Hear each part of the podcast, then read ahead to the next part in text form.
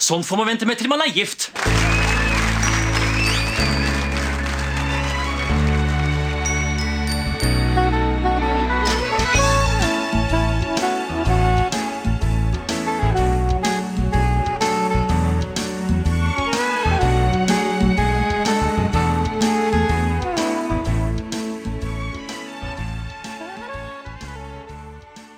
Hallo og velkommen til en eh, ny episode av Norsk film filmpodkast, hvor vi ser norsk film med et kritisk, men kjærlig blikk.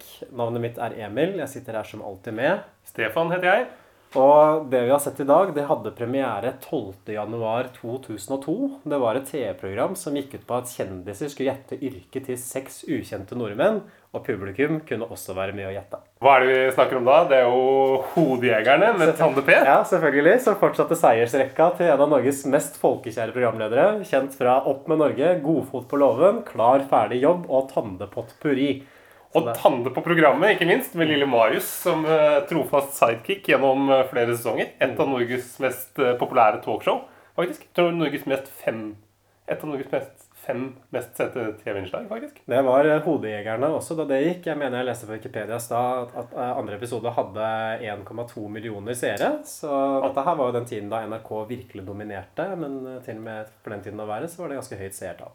Ja, og Planen nå er at vi skal gå gjennom alle fem sesongene med Hodejegerne og snakke om dem og diskutere hva vi ser. Er jo, nå er jo nå er jo publikum, nå kan de sitte og vente på en, eh, en time, eller flere timer med moro og gøy.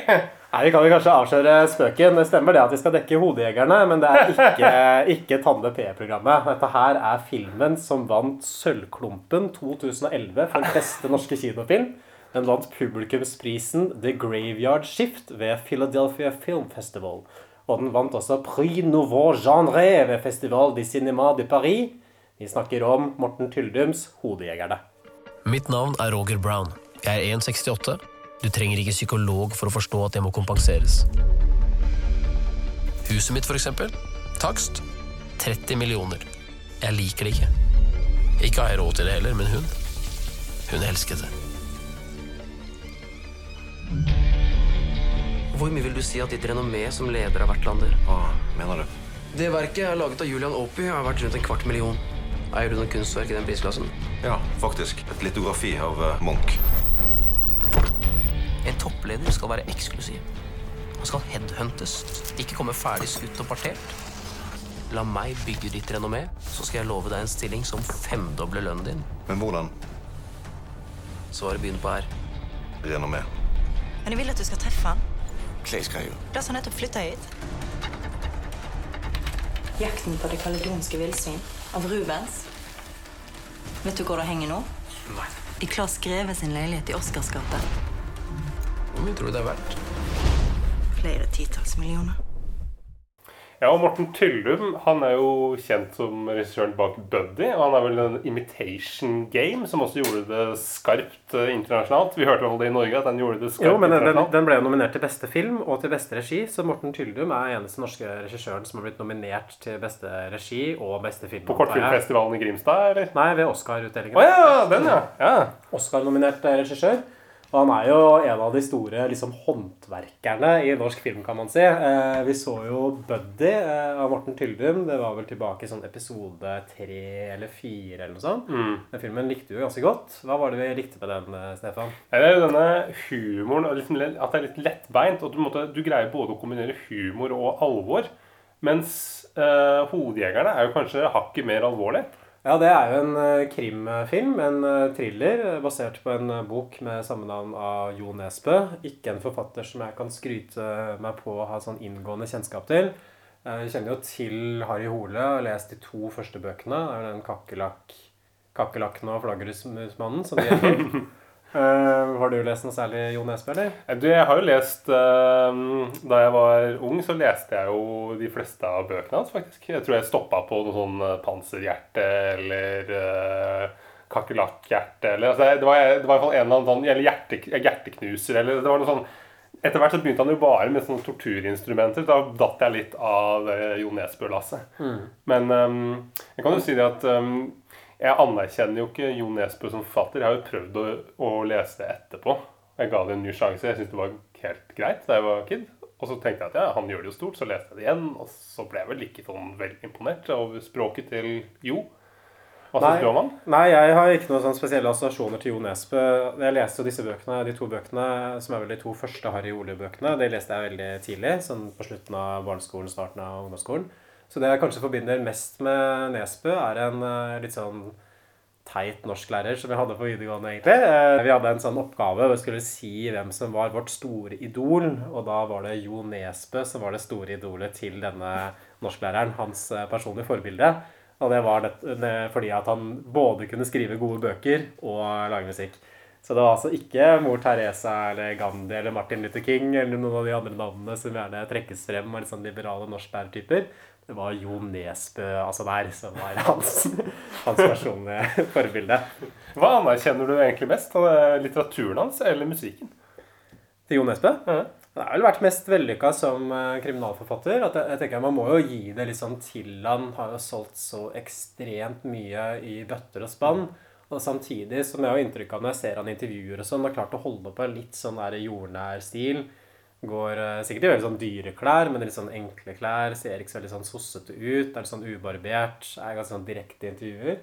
Så nei, jeg har alltid tenkt at Jo Nesbø, hvis man først skal ha én sånn kjempekommers eh, krimforfatter i Norge, hvorfor ikke han, har jeg tenkt. Hva med Anne Holt eller Karin Fossum, kanskje? Ja, Dere kan ikke gå inn på nå.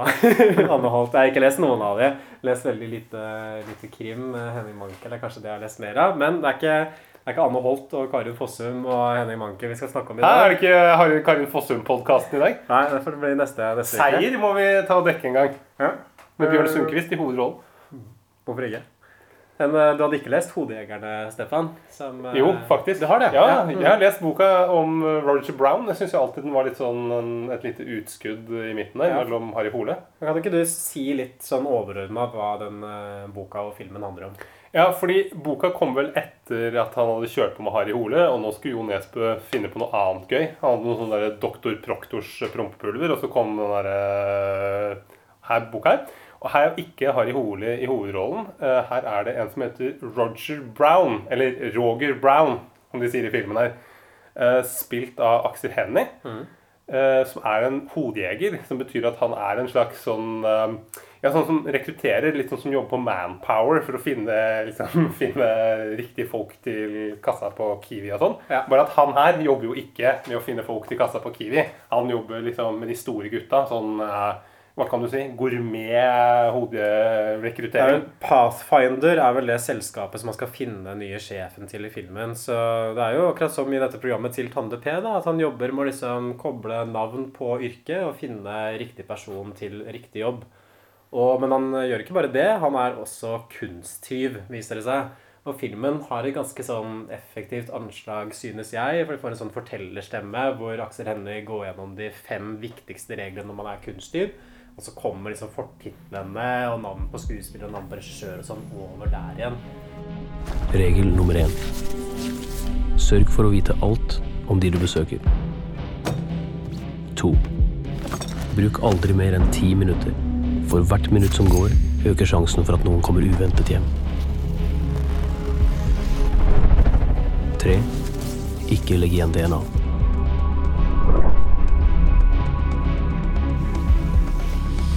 Fire. Ikke kast bort tid med å skaffe en dyr kopi. Selv med banalt enkle forfalskninger tar det uker før du blir oppdaget. 5. Før eller senere vil én av to ting være nødt til å skje. Du kommer over et kunstverk så verdifullt at du slipper å bekymre deg for noe som helst. Eller du blir tatt. Med litt sånne kule effekter også. F.eks. at navnet til Synnøve Makobu Lynn, som spiller eh, Aksel Hennie sin kone, dukker opp over et bilde av henne på veggen. Og En annen ting som er med han eh, Roger Brown, er at han er 1,68 meter høy. Dette her er noe som han eh, sliter litt med, egentlig. Han har sånn- også sånn mindreverdighetskompleks. At han føler sånn spesielt til kona si, som er spilt av Synnøve Makobelun, som er en sånn høy, blond, vakker kvinne.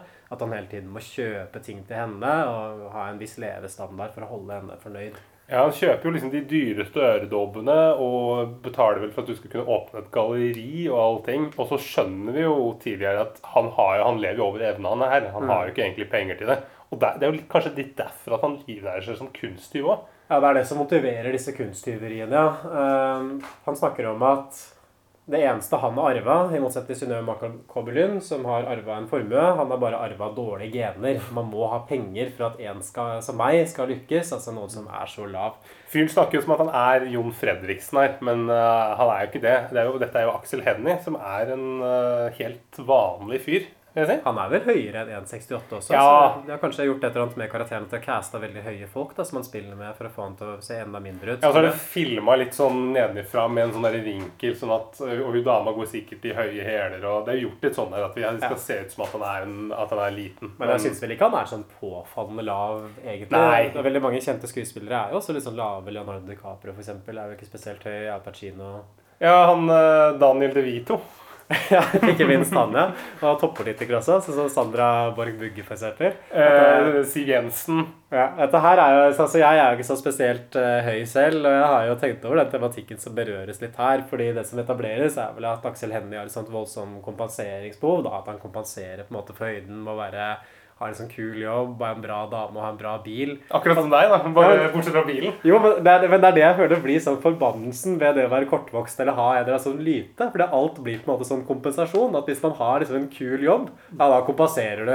Hvis det er en bra jobb, dame, da, da kompenserer du. ikke sant? Hvis du har en kul leilighet, det er også kompensering. Så hva er det man egentlig skal gjøre? da? Skal man ha liksom sånn ræva jobb og ræva leilighet og ikke være sammen med noen? Bare, så man, man blir litt sånn damn if you do, damn if you don't, egentlig. Sånn kortvokst. Fordi enten så er man mislykka, eller så kompenserer man. Man kan aldri være sånn helt vellykka uh, kortvokst eh, person. Ja, du tenker, hvis du, har en, hvis du har en grei jobb og er kortvokst, vil du da aldri uh, da vil, Få den anklagen, nei. Nei. Ja, det jo, det syns jeg er urettferdig, og det er noe man kanskje burde diskutere liksom, når man snakker om og, liksom, folk som føler seg krenket og sånn. Ja, jeg, jeg, jeg snakker jo ofte om sånn height privilege. Sånn privilegiet knytta til høyden. Og for eksempel, Stefan har jo det. Du har height privilege, og du veit ikke hvordan det er å leve sånn som jeg ser verden. Men uh, i hvert fall uh, en annen spenning i forholdet mellom uh, Aksel Hennie og Synnøve Makobelund er at uh, Makobelund vil ha barn. Eh, det vil ikke Aksel Hennie. Men han har en sånn usikkerhet knytta til det. At han sier liksom at det er nok av menn som vil dama mi det hun vil ha. Menn som ikke er 1 meter og 68 cm høye. Så det er en sånn proto-incel-tematikk her. Mm. Hvor liksom man blir veldig opptatt av sitt eget utseende. Og man får et sånt voldsomt usikkerhetskompleks. Og det utarter seg da i at man hele tiden mistenker at dama skal stikke av noen andre eller noen menn som man egentlig vurderer som mer attraktive enn seg selv. Ja, og det, det, er vel det, som, det er vel det som går igjen hele, i starten, hele starten av filmen, egentlig. Og vi beveger vel oss litt videre, for da er det Da kommer vi jo til Vi starter vel også etter denne her introen, som er veldig fin. Så kommer vi til et uh, intervju hvor uh, denne Axel Hennie, eller uh, Roger Brown, Roger Brown, skal finne en ny direktør til Pathfinder, som driver med GPS. Og da snakker han om renommé. Det er viktig med renommé. Hvor mye vil du si at ditt renommé som leder av Vertlander? Mitt renommé, hva mener du?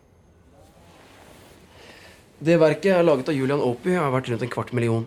Eier du noe kunstverk i den prisklassen? Ja, faktisk. Et litografi av eh, Munch.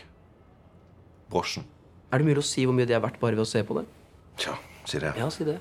Det for består av noen sirkler, noen streker, fargeleggingen er monoton og uten tekstur. Det eneste, og da mener jeg det eneste, som gjør det verket verdt en kvart million, er kunstnerens renommé. Og du mener at det samme gjelder for ledere også? Helt riktig. Og det er derfor du ikke kommer til å få denne jobben. Hva? Herregud, du søkte på den selv, Lander.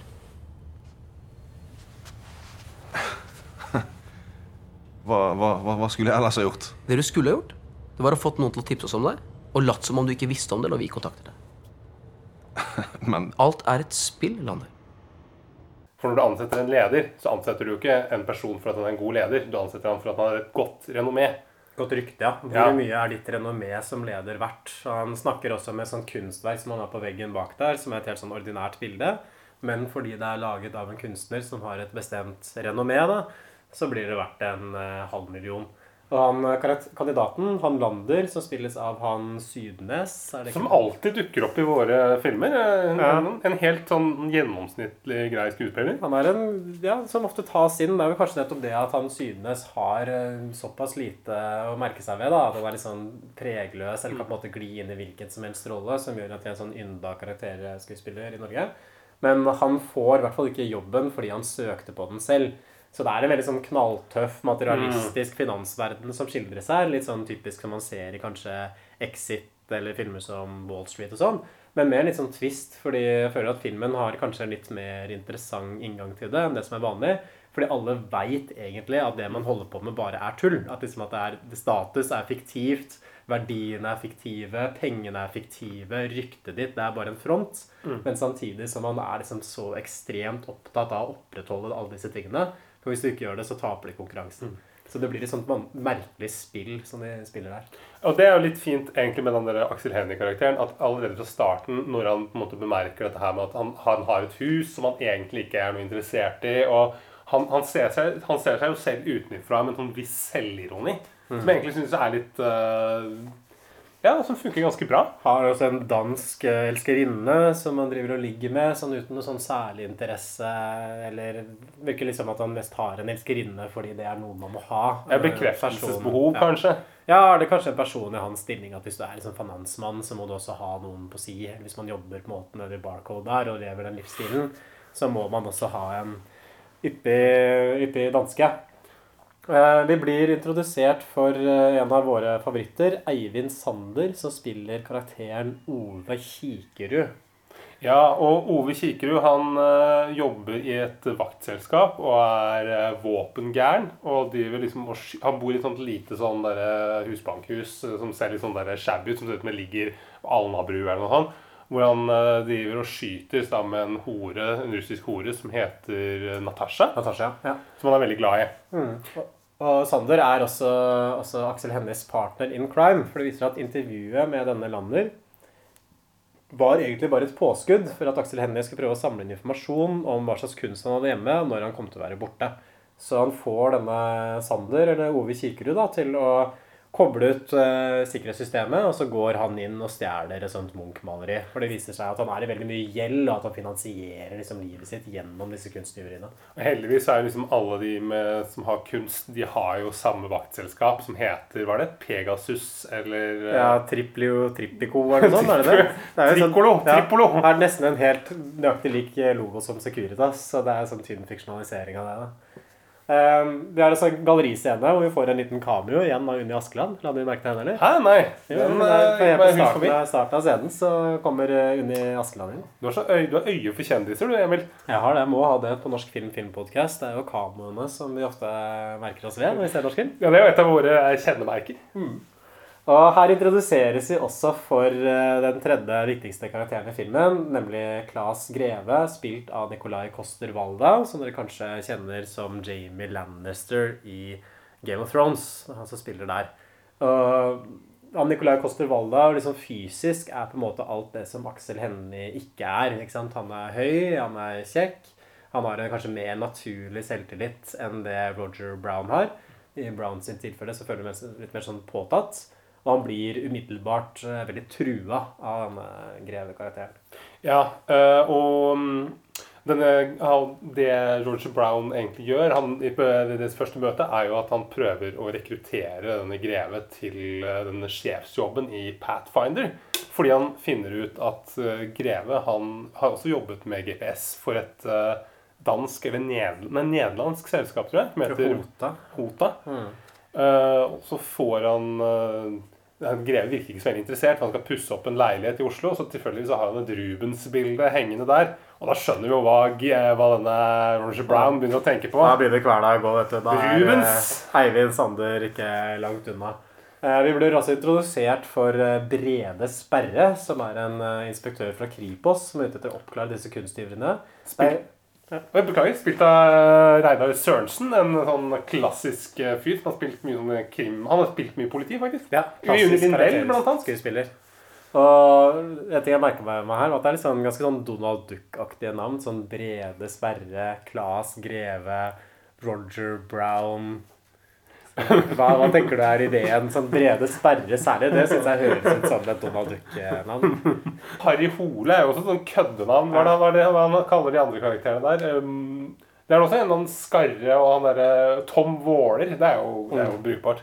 Nei, men Jeg vet ikke, jeg skjønner ikke helt hvorfor. Kanskje det er liksom uh, Jo Nesbø som har kost seg litt når han har funnet på disse navnene. Liksom Sittet på kafé ute og skrevet og hatt det litt gøy. Ja, for den, denne filmen her har jo også litt sånn tegneserieaktig Ja. preg iblant. At det er liksom vanskelig å si eh, tidvis hvor alvorlig den prøver å være. Altså Selve premisset liksom med en kjent hodejeger som også er kunsttyv, det er jo allerede ganske sånn lite troverdig. Ja, fordi han, Hvis han ville tjent penger, så kunne han jo sikkert tatt, liksom, jobbet et annet hodejegerfirma samtidig. Eller sikkert nok å gjøre. Han kunne liksom han Ja, kunne at, gjort at, mye man velger, for- at man velger seg kunsttyveri. Ja. så liksom den måten Sammen man med sånn penger på. sånn derre Ole Kirkerud, som virker som en sånn veldig ustabil type. Som er på en måte Du bare sitter og venter på at han skal havne i fengsel, liksom. Mm. Kjører rundt i sånn gammel Merce som er liksom med flere forskjellige dører i ulike farger. Og, og måte bor i det der stygge lille huset sitt på Alnabru. Er på Ja. Det lover jo ikke godt.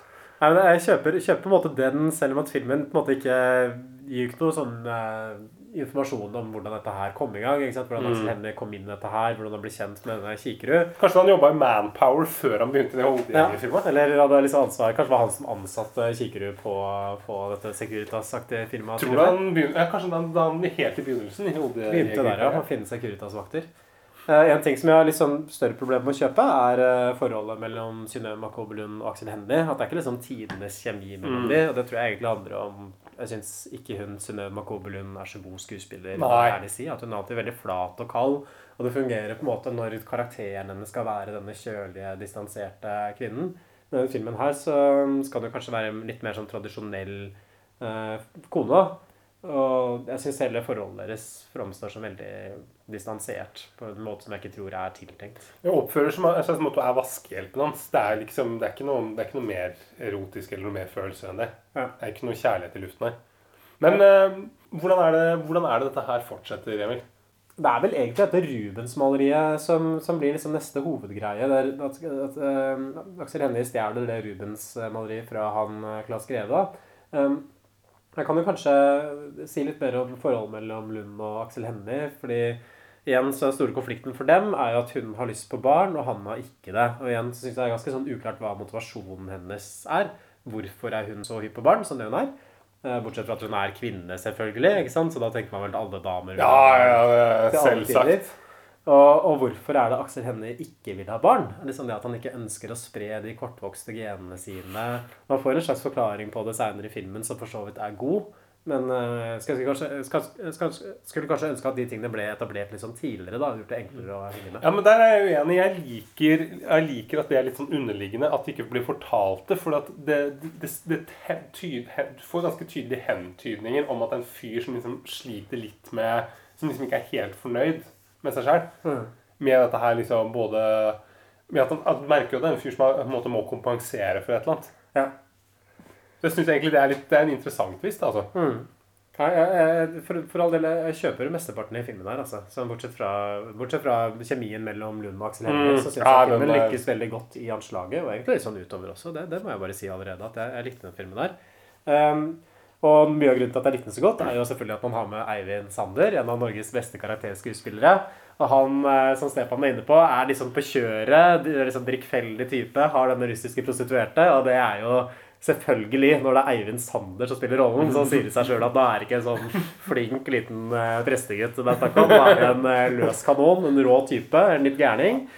Og det er han også her. Han er jo best mester på å spille råtass. Mm. Og det er jo et genistrek at de har fått med han, og ikke at Kyrre Haugen Sydnes har den rollen der. For det hadde jo blitt mye kjedeligere. Ja, det er Ove. Vi har en kandidat. Hva vet jeg klokka er?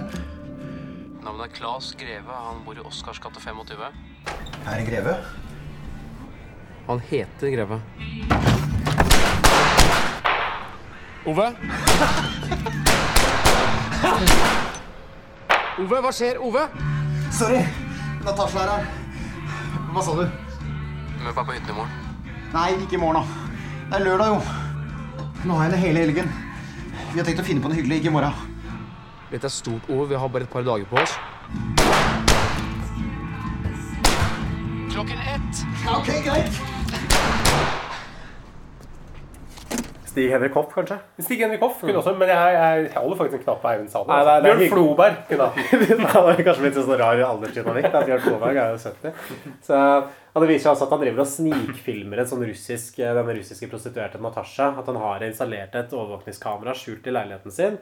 Jeg syns det var en veldig sånn unødvendig sekvens da den først kom.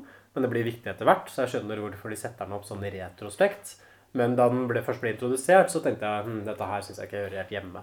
Ja, fordi det var det jeg tenkte òg. Men, men samtidig er du med på å etablere denne fyren som en litt sånn crazy fyr. For han, det han gjør, er at han leier inn en hore, og så spiller han inn eh, pornofilm.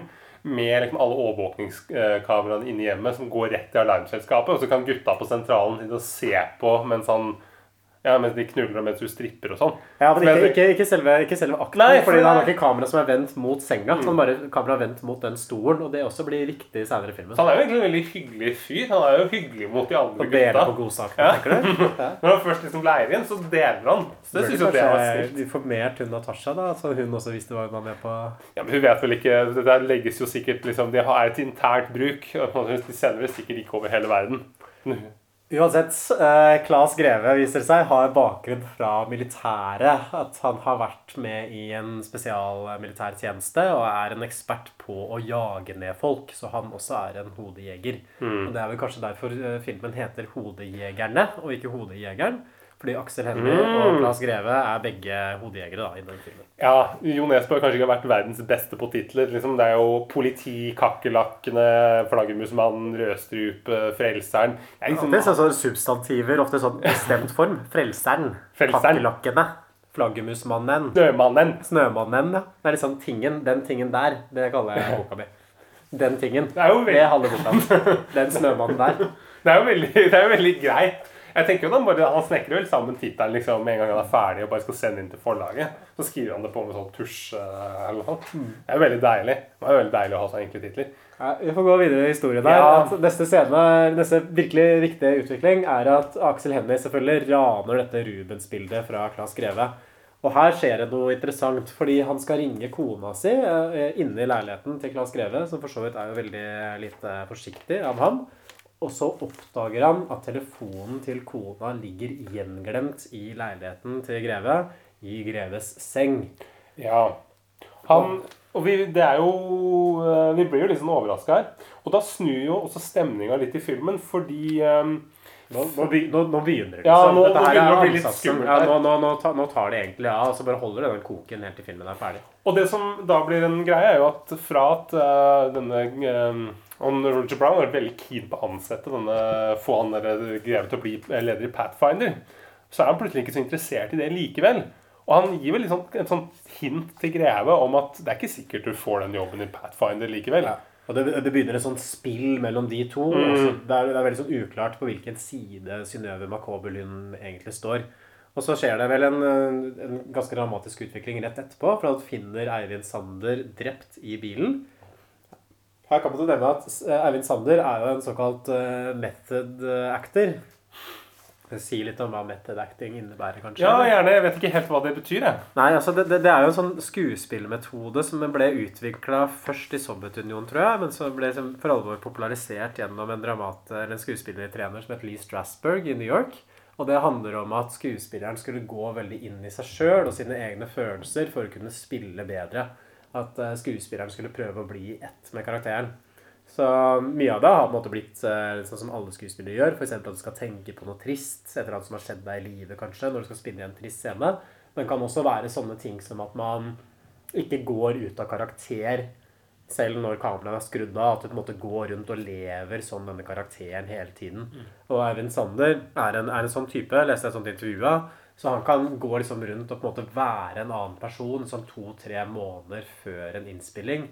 Bare for å komme sånn ordentlig inn i rollen, ordentlig inn under huden på karakteren. Så det er en litt sånn omstridt eh, skuespillerteknikk. At noen mener at det er helt genialt, andre mener at det er litt sånn selvopptatt og liksom kunstferdig at det kanskje ikke har så mye å si. Men det handler i hvert fall om dette her, å liksom prøve å komme så dypt inn. da, på en måte Bli så ett med karakteren. Og så bruker man forskjellige metoder for å få til det. Og her, for eksempel, i den scenen hvor Eivind Sande ligger liksom livløs da, i bilen til Aksel Hennie, så holdt han senga visstnok i fire døgn i strekk og bare lå helt stille før den scenen for at han skulle bli så tung i kroppen og så slapp som overhodet mulig. Og for at han ikke skulle reagere noe når Aksel Hennie drev og dro og dro inn. Det er jo eh, vel anvendte timer, altså. Du syns det? Jeg synes det er ganske troverdig, Ja, han altså. er troverdig, ja, men jeg vet ikke om det, det, har vært fire dager i senga. Du har ikke fått et like, like så greit resultat hvis han bare hadde forsøkt. Ja, men det er de små detaljene som, som teller, da. For når du skal spille i en storfilm som Hodejegerne. Jeg ble, jeg ble så redd for at Eivind Sander skulle være ute av filmen nå, men heldigvis så overlever han sånn i hvert fall rett til. Fordi hva skjer nå? Ja, eh, George Brown kaster han jo i en innsjø, og så plutselig, når han havner i innsjøen, så ser jo Roger at ha- eh, Sander han er jo sprell levende. Han. han driver og spreller rundt og tar dem opp. Og finner ut at det har, det har vel vært en giftsprøyte i bilen. Som Roger Brown egentlig skulle sitte seg på, ja, men som Eivind Sander satte seg på istedenfor. Mm. Ja, og heldigvis så fikk Eivind Sander den i kneet. Ja, men han dette er liksom der plott skjønner, hva, hva var det Eivind Sander gjorde i den bilen? Ja, for det skjønte ikke jeg heller. Kanskje han la det der bildet inn i Nei, jeg vet ikke. Ja, at han var der for å legge fra seg bildet. Men det, det, Nei, det var burde dårlig blitt, forklart. Det burde blitt etablert hvorfor han skulle være i bilen. Og Aksel Hennie blir jo veldig overraska over å finne Eivind Sander inni der. Så det er Mm. ikke noe de har planlagt sammen. Nei, men det er litt rart. Og han tar uh, Roger Brown kjører jo Eivind Sander hjem til uh, Ole, Ove Kirkerud. Eller Ole mm. Kirkerud.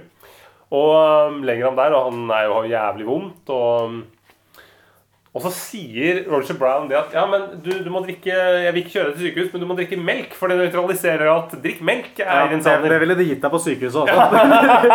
hvis jeg kom, hvis han på sykehuset og forgifta, så også der ville du bare fått et glass melk. Ja, selvfølgelig. Ikke, er- noe sånn pumping eller noe. Nei, man gjør på sykehuset. Ove Kirkerud er kanskje dum nok til å gå på der. Ja, men uh, Det slutter med at Aksel Hennie blir nødt til å skyte Eivind Sander. Da, så eh, Aksel Hennie dreper Eivind Sander Mm. her. Og så begynner han eh, Claes Greve å dukke opp. Og nå viser det seg at det er Claes Greve som har planta den giftpilen. At han er egentlig ute på en sånn vendetta nå og skal prøve å drepe Roger Brown. Og det er jo veldig dårlig å ha han Greve etter seg, fordi vi har jo allerede fått vite at han har jobba som elitesoldat med spesialisering i nettopp det å spore opp folk. Ja, for han jobber jo i et, har jo jobbet i et GPS-firma, så han har jo selvfølgelig merket Roger Brown med en, med en GPS. Mik mik mikroskopiske scener. Små sendere. Så, Snakker veldig sånn eh, rotete, litt sånn uklart dansk. Han er litt sånn der snøvledansk. Ringer det? Nå. Ja, det var militæret. Militæret? Jeg meldte meg som 18-årig. Og efter nogle år, der endte jeg så i en specialenhed. Vi var baseret ud af... Spesialisert i hva da? I sporing. Sporing av Ja, mennesker. Savnet eftersøgt. Og teknologien ble levert av Hote? Præcis. De lavede de her mikroskopiske sender. Jeg havde så nogle forslag til forbedringer, og så rekrutterede de mig. Hvor er de arene fra? Bolivia? Ja, hva da? Ble du utsatt for tortur, da, eller? Nei, jeg var heldig. Jeg slapp fri i tide. Høres ut som noe man har sett på film. Tro meg, Roger, det er det du ikke ser på film. Ja, Stefan, jeg lurer på, Hva ville du gjort her hvis du var Aksel Hennie og så hadde han Claes Greve etter deg? Uh, Hva ville vært din taktikk for å prøve å komme deg unna nå? Ja, det er jo gøy. Eh, nei, jeg ville jo, jeg ville jo bare kaste alt jeg eide og hadde. Satt meg på liksom uh, Dratt til flyplassen og kommet meg på et fly så raskt som overhodet mulig og bare forlatt landet. Eh, Hva med deg? Hva ville du gjort? Nei, Jeg ville jo kanskje tatt litt sånn inspirasjon fra Max Manus og bare dratt over grensa til Sverige. Ja, det Det fungerer jo veldig godt at det kommer seg en dag Gestapo gang på gang. Det er bare rett over grensa. Og gjerne på, gjerne på ski. Ja, og, og, eller, og du kan, kunne jo til og med kjørt. Det det Roger Brown gjør, er jo at han eh, kaster giftering og klær og alt han eier og har, setter fra seg bilen, tar Eivind Sanders uh, Merce og kjører ut til en eller annen hytte i skogen som eies av Eivind Sanner. Mm. Og, på denne, og ved denne hytta så bor det en eller annen sånn gammel gubbe som spilte av Bård Ove. Ja, litt sånn, litt sånn unødvendig karakter, egentlig. Nå er vi i Bygde-Norge. Det er sånn det er i Bygde-Norge. Folk i Oslo syns sånn er det i Bygde-Norge. Det begynner en sånn, der, sånn katt og mus-sekvens eh, som liksom er satt på landsbygda. De ender vel opp i Elverum til slutt, tror jeg. Og, eh, det, det, dette blir jo en veldig sånn stor kontrast egentlig til det veldig sånn urbane preget som er i filmens eh, første halvdel. At det blir nesten en slags sånn bygdekomedie. Det er også en eh, ganske sånn kostelig scene her hvor Aksel Hennie må gjemme seg i dritten på en utedass. At han liksom må ned i en utedass. Den utedassen der så ikke En, en som blir tømt så opptatt, fordi det er jo flere meter nedover med rein menneskebæsj. Det minner litt om det avslutningsstuntet i Jackass 3, Stefan. Der Steve går inn den porta porty pottyen, og så slenger de inn uh, time etter. Ah, du å slenge den der Jackass-referansen òg. Ja, må prøve på det. sånn eh, det er noen dorullkjerne oppi kjeften, og så måtte Ja, for å puste ut der. Ja, så mm. går, liksom, glir han sakte ned i dritten. Ja, det ser veldig, veldig veldig ekkelt ut. der. Altså. Og da, full av bæsj, så, liksom, så stjeler han en eller annen traktor, eh, og så greier han å spidde en hund foran på den traktoren, Ja. og så kjører av gårde som en sånn gærning ute på veien, med en traktor som som, og det, dette her det her kjøper ikke jeg i filmen. Fordi eh, denne gamle gubben på gården sier til uh, Aksel Hennies karakter at du må være forsiktig med den traktoren. Ikke kjø, kom bort til den traktoren med bilen, for den er veldig fin. Da må du betale erstatning.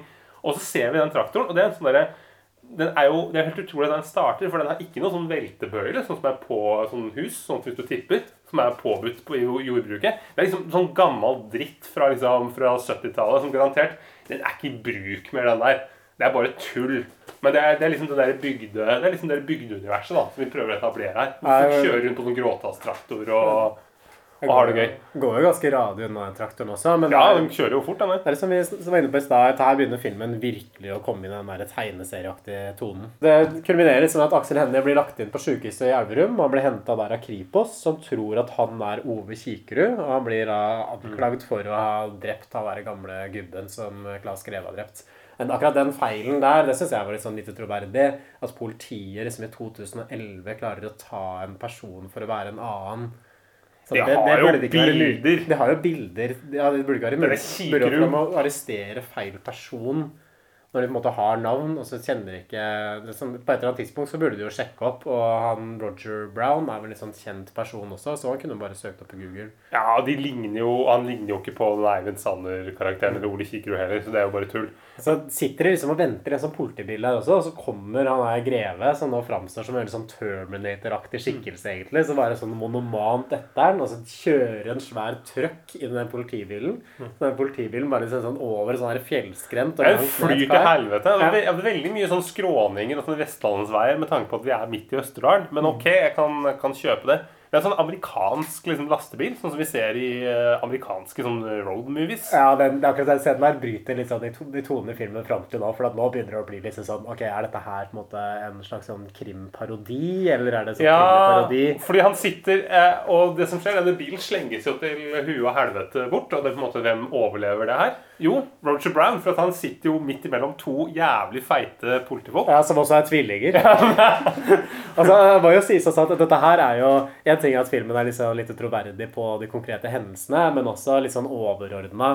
For det som etter hvert viser seg, da kan vi jo si allerede nå, er jo at han greve han skal ha den jobben i Pathfinder.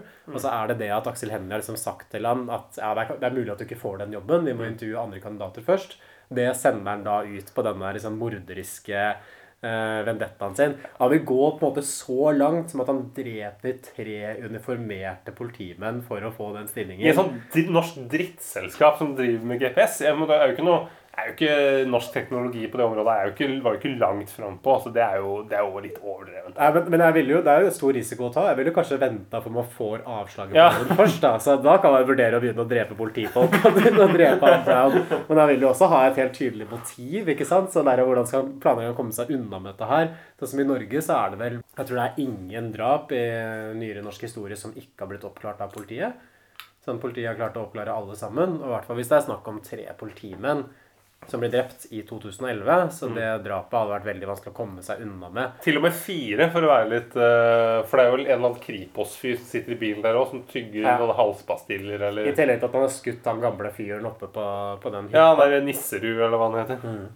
Men eh, jeg syns det er en sånn ganske imponerende rolle Aksel Hennie er. Og Aksel Hennie får jo virkelig kjørt seg. At han blir liksom smurt inn i dritt og blod. Og det er en ganske sånn hard scene å se hvor han står og barberer sitt eget hode. Hele skallen hans blir fullt av sånne kutt, og så stapper han det håret ned i en Polly peanøttpose. For han har funnet ut at det er i håret hans, altså i parykken da, som Aksel Hennie går i, hvor disse senderne sitter. Tråkke på glasskår. Så det er kanskje, kanskje den filmen man burde se for de folka som ikke liker Aksel Hennie. Fordi her blir han, her blir han skikkelig tynt. Altså, han ser jo helt jævlig ut etterpå. Jeg håper jo at han fikk greit betalt for den uh, jobben her. Og um, han tar vel seg til Oslo, og så så kommer han vel til denne Lotte? Denne, Ja, den danske elskerinnen, ja. Mm. Ekselskerinnen. Som viser seg å være med på dette komplottet. Hun er også med i Greves plan, ja. Og prøver Og det, vi finner ut at det er hun som har smørt den dritten i håret til, eh, til Roger. Og så prøver hun å drepe han med kniv. Mm. Med en kjøkkenkniv. Ja, det er ganske rå scene, for at Ja. slår hun også ansiktet med pistolen sin, sånn der nesten med en gang han kommer inn der. Sånn, det, og det er sånn, sånn ganske sånn brutal vold mot kvinner eh, som skildres. Og det er en veldig brutal scene hvor de slåss også, hvor Aksel Hennie avslutter henne med å skyte henne med en pistol, men den pistolen har han i bukselomma, så det blir sånn, sånn gjennom smekken. Så det ser på en måte ut som han skyter henne med, med penisen sin. Den går kanskje tilbake til den der seksuelle usikkerheten som Axel Hennie har fra starten av filmen, da, at han er så usikker for at han er såpass lav. Og det her begynte jeg liksom å like filmen litt, egentlig. Ja. Jeg begynte jeg å snu, snu for jeg merket litt sånn, Det er et eller annet med hvordan den hele tiden blir drøyere og drøyere og drøyere, og hele tiden pusher grensene for publikum. Starter på en måte i et ganske sånn gjenkjennelig thrillerlandskap. Og så nå er den liksom langt over det som er akseptert i norsk film som vanligvis.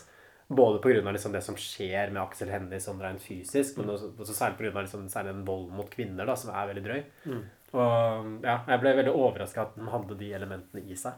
Ja, og det, det er kanskje det som også kjennetegner Jo Nesbø. At det er det han egentlig kan. At han er, han er veldig god på å bygge opp spenning. Det Ja. det han Det var egentlig det han ble kjent for å på en måte ha skjønt. Av hvordan du, hvordan du bygger opp en historie liksom helt riktig liksom en, som en film. Som en, liksom en god spenningskurve.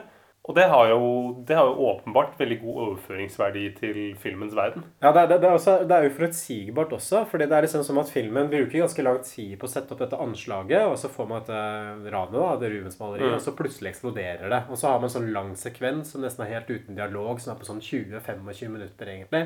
Hvor Aksel Hennie basically bare blir jaga og tynt og tynt og tynt ute på landsbygda der. Og jeg syns det, jeg synes det var ganske kult. Ja, og han har jo ni liv, liksom. Det er jo helt utrolig at han overlever. Han får jo også en kniv i ryggen under det der Lotta, hvor Lotta angriper han. Ja, det er en hard scene, altså. Ja, Men, men samtidig så må jeg gå tilbake til sånn Hva er For det viser seg at hun Lotta har jo vært med på dette her helt fra starten av. Så den eneste grunnen til at hun har eh, vært med i Aksel Hennie, at de har hatt et forhold, er for at hun er planta av denne Claes Greve. Så, men hva er liksom planen her til han Greve? Ikke sant? Han hører at det er en ledig stilling i Pathfinder. Og så vil han ikke søke på jobben direkte, men han går gjennom hun Lotte, så skal Lotte innlede en affære med han.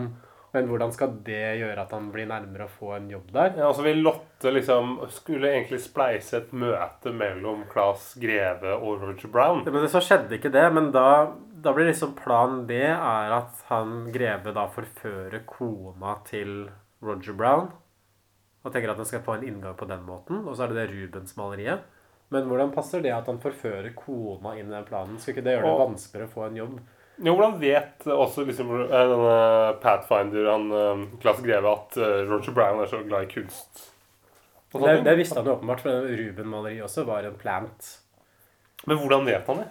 Nei, nei det, det, det, det er jo uklart. uklart. Altså, Politiet altså sånn- vet jo ikke engang. Ikke han der eh, Roger Sparre, eller hva han heter. Men, men det er jo veldig unødvendig også, fordi han Greve er jo kvalifisert for stillingen. Ja, Så Han er jo bare- overkvalifisert. Ja, så og Aksel, Aksel Hennie ville jo ha han. ikke sant? Det ser han jo med en gang når han begynner, når han møter ham på det kunstgalleriet. Han hadde ikke tenkt å gjøre noe. Og det Rubens-maleriet kunne jo bare gitt faen i. Ja, og det, det er jo først etter at uh, Aksel Hennie finner telefonen til Synnøve Ja. Koblund i leiligheten til Claes Greve, at han begynner å surne på han, og da får han ikke jobben. Så er vel det kanskje sånn trigger Claes Greve til å forsøke å drepe han.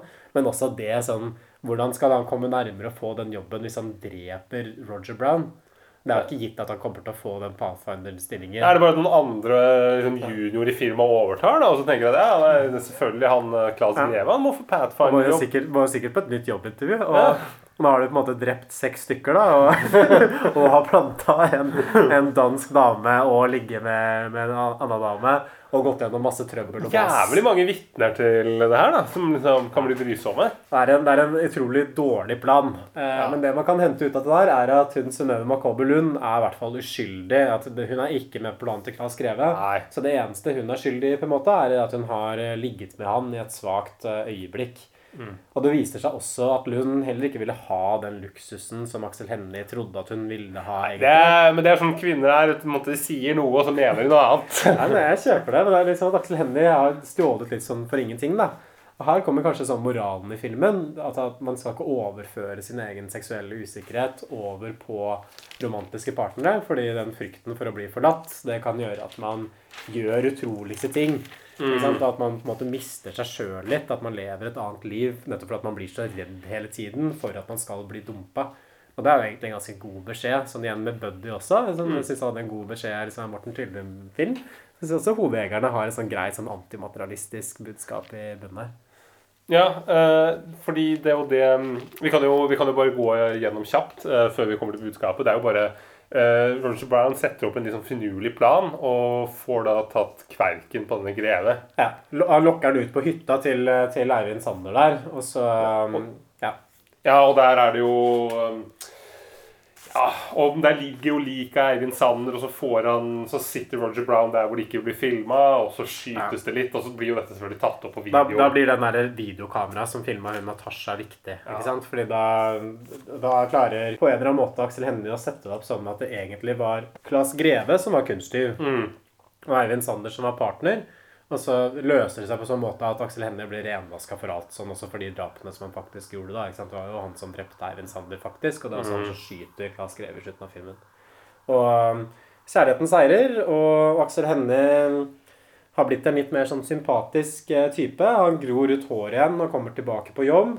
Han er eh, vordende far. Eh, Synnøve Kobbelund er gravid og har også blitt kvitt disse mindreverdighetskompleksene sine. Så filmen avslutter liksom litt sånn som den starta. Mitt navn er Roger Brown. Jeg er 1,68 meter. Og vet du hva? Det er mer enn nok. Fantastisk. Og selvfølgelig Jeremias Lander. Han blir jo leder i Pathfinder. Denne kar- kar- karakteren spilt av Kyrre Haugen Ja, Sundnes. han som Så alt, Ja. alt går jo bra. Han får drømmejobben. Eh, Roger Brown finner ut at 1,68 er mer enn nok. Og det blir barn på uh, hun derre Diana. Ja, og igjen, hvis man skulle gått inn her og forsøkt å se på alt det som måtte klaffe i også Aksel Hennie sin plan, da, for at alt dette her skulle på en måte gå hans vei, så tror jeg det har vært umulig å planlegge for alt det. Sånn som i House of eh, Cards med Kevin Spacey. og liksom Måten han er avhengig liksom ha lagt de ekstremt som intrikate planene, og så til slutt så viser det seg at ja, jeg hadde faktisk planlagt for det Da det virka som jeg var helt ute, men det var en del av en sånn sjakkspill som jeg hadde forberedt på forhånd. Så, men det det er kanskje ikke så mye vits i akkurat det. Men kan du kanskje si litt mer om hva, hva du syns om filmen, eh, Stefan? Eh, jeg, jeg syns jo synes jo dette er en sånn en velfungerende sånn norsk Hollywood-kopi. Det er ingenting originalt eller liksom spesielt sånn, sånn interessant med filmen, men jeg syns som, som en Hollywood-kopi så funker den veldig bra. Og den holder jo altså spenn, Det er jo liksom et helt sånn spenningsnivå. Liksom det bare, som du sa, det øker og øker, og det går opp. Det er, jeg sitter ikke og kjeder meg under den filmen der. Det er, liksom, det er ikke noen sånne unødvendige scener, og det glir fint. Men, men jeg vet ikke om jeg syns det er så veldig, sånn veldig interessant. Hva tenker du? Nei, jeg jeg er litt uenig, egentlig. Jeg syns at den filmen her var ganske interessant. Og jeg tenker at mye av det handler om den siste scenen hvor uh, Aksel Hennie kommer liksom skalla, helt sånn forslått, masse blod over hele trynet til uh, Synnøve Makobe Lund, når liksom hun sier at 'Jeg vil jo bare ha deg som den du er', ikke sant? Og så Aksel Hennie på en måte oppdager det at jeg har hatt livet mitt styre av denne usikkerheten rundt høyden.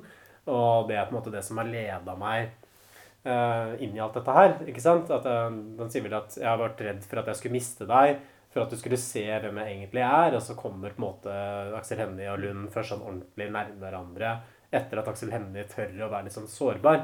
Og det syns jeg er liksom sånn interessant vinkling på det. Fordi man ser på en måte hvor mye av det derre statusjaget, liksom den in- jaget etter penger og makt i næringslivet, som egentlig bunner i en sånn type seksuell frykt da, og mindreverdighetsproblemer, som jeg syns var en interessant vinkling i filmen. Jeg hadde ikke sett den komme på forhånd.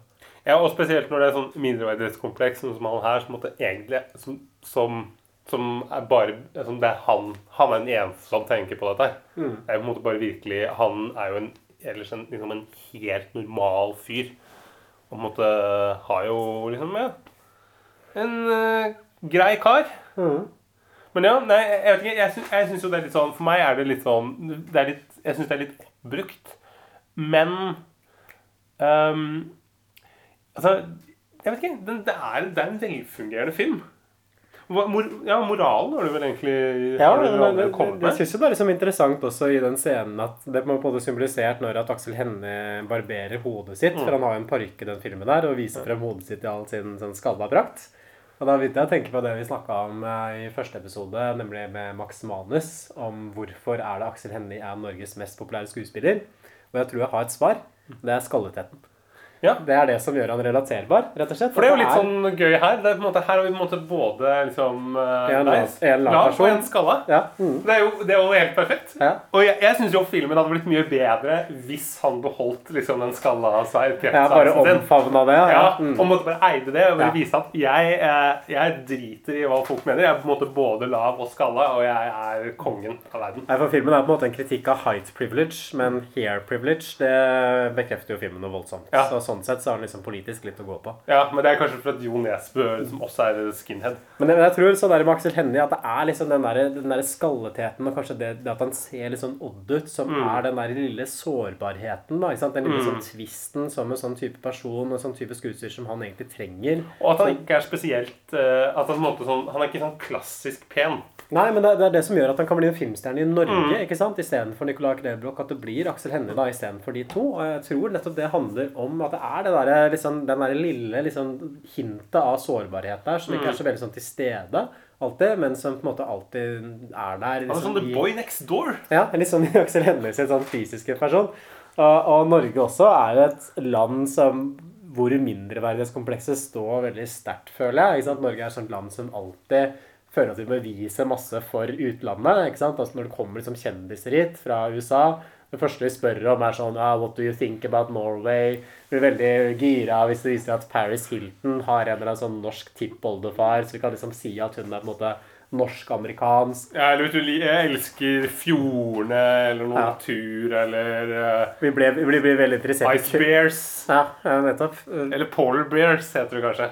Ja, eller vi blir veldig liksom, interessert i curling når vi begynner å vinne i det, eller sjakk når vi begynner å vinne i det. Vi er, så Norge er et land som er utrolig opptatt av hvordan man blir oppfatta der ute i verden. Og da gir det litt mening også at man har Aksel Hennie som den perfekte norske filmstjerna. For at han har litt av den norske stakkarsligheten bare i seg, da. I sin Ja, kropp. den, og Roger Brown her er jo på en måte litt som Norge. Ja. Han er jo Norge. Mm. Han er, men, men også Norge som har en sånn positiv uh, visjon av hva Norge kan bli. For Brown er jo en som overvinner denne mindreverdighetskomplekset. Og det liksom kommer seg videre. Akkurat der er kanskje ikke Norge kommet helt ennå. men- Nei, vi har noe å jo jobbe med, men men vi er bedre enn vi var i 1980 eller på 90-tallet, liksom, da alt skulle være verdens beste. Mm. Nå har vi liksom lagt fra oss, vi lagt fra oss der oljegreiene med sånn Troll A og verdens største byggverk og verdens lengste handlegate. Og, Ja, det har blitt litt mindre sånn What do you think about Norway? Og så liksom, altså den der hele tiden sånn, sånn kleine tullingen med at å, ja, det er ingen som vet hva Norge er. Folk tror at Norge er hovedstaden i Sverige, eller whatever. Men det er, det er fortsatt i stedet. Sånn som jeg leste en artikkel i Dagsavisen her om Jens Stoltenberg, hvor de begynte å argumentere for at Jens Stoltenberg er en av de største statslederne. Den største lederen overhodet siden andre verdenskrig. Og det er også tenker jeg, et godt eksempel på norske mindreverdighetskomplekser altså, som er oppe og, blafrer. Det, er jo en, eh, det er jo en vits, kan vi si. Men det var jo, ja, det var jo en annen anekdote er jo i Oslo da du bygde på 90-tallet, da du bygde SAS-hotell og sånn, så bygde du også Norge, eller Europas lengste innendørs handlegate, den der Galleri Oslo, og var veldig stolt over det. Som at det liksom er noe å briljere med. Nei, vi tar, det, vi tar det vi får, altså. Ja, virkelig.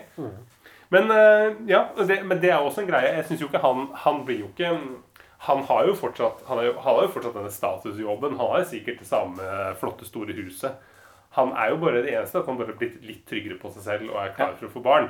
Så så mye bedre er det ikke blitt. Han er jo fortsatt en fyr som har et bekreftelsesbehov og viser det, tror jeg. Ja, det, det kan man jo si, men jeg syns også en sånn narrativ struktur så funka det, liksom. At man liksom kom den derre sirkelen, da. Samtidig som Mm. det er jo liksom døv beskjed på et plan, kan man si. Sånn ja, du må akseptere den du er, ikke sant. Det er liksom barne-TV-beskjed. Men ja, hvorfor ikke, liksom? Sånn der, hvis man først skal lage en sånn, en sånn thriller, sånn her bygde thriller som er såpass drøy, så kan du ikke bare ha en sånn utrolig enkel og barnslig moral i bunnen, da. Sånn, det, jeg syns det, jeg synes det fungerte ganske bra. Men det er jo klart at det er jo en veldig sånn rar tonalitet i filmen. At liksom tonen i den tar og switcher hele tiden fram og tilbake. Iblant så er den veldig humoristisk og karakert. Iblant så er den veldig brutal og rå.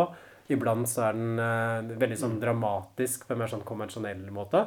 Vet ikke hva du syns om det, Stefan? Nei, altså for meg, det, det jeg sliter mest med her, er de der bygdeframstillingene som jeg begynner å få sånn nok av. Som du så veldig mye i Norge sånn på 90-tallet i filmer og sånn. Det der at alle på bygda liksom kjenner hverandre. Selv i Elverum, som liksom, hvor det bor 20 000 mennesker, så vet de hvem som eier denne traileren, at den står utenfor Bamses pub. og Det er på en måte sånn derre det er, og alle liksom, på bygda er litt sånn enkle og liker å skyte og har sett for mye amerikanske filmer, og de er tjukke og Det er på en måte Jeg vet ikke. Jeg, jeg, liksom, jeg tenkte at kanskje liksom i 2010 at vi måtte ha kommet oss litt videre, og at man kanskje kan liksom legge de der stereotypiene liksom grave ned i kista og liksom bare legge dem vekk. For nå Finn på noe nytt, tenker jeg. altså. Ja, det er et unødvendig element. At da blir på en måte filmen mer sånn burning og rådende. Ja. At den går over i det territoriet der. Og jeg har en følelse av at det kanskje er en litt annen målgruppe på den filmen her. Den kan sikte litt høyere. Det er på en måte høyere kvalitet på det her, så de kunne spart seg det der, altså. Ja, men kanskje det er det folk i utlandet vil se. da. Man skal jo huske at den filmen her ble jo nominert til BAFTA, som jeg tror er den eneste norske film som ble Mm. nominert til BAFTA noensinne. Men amerikanerne elsker jo det der. Det er jo på en måte sånn som med også. Det er på en måte akkurat det samme med sånn derre eh, På Lillehammer der bor det 30 000 mennesker, og det er en sånn der eh, politibetjent med sånn der nisselue og, og liksom Det er jo den der den derre Det er litt sånn stusslige bygdegreiene. Få- Det er sånn, sånn det er jo klisjeer. Amerikanerne elsker jo klisjeer. Så selvfølgelig så gjør den bra på amerikansk festival.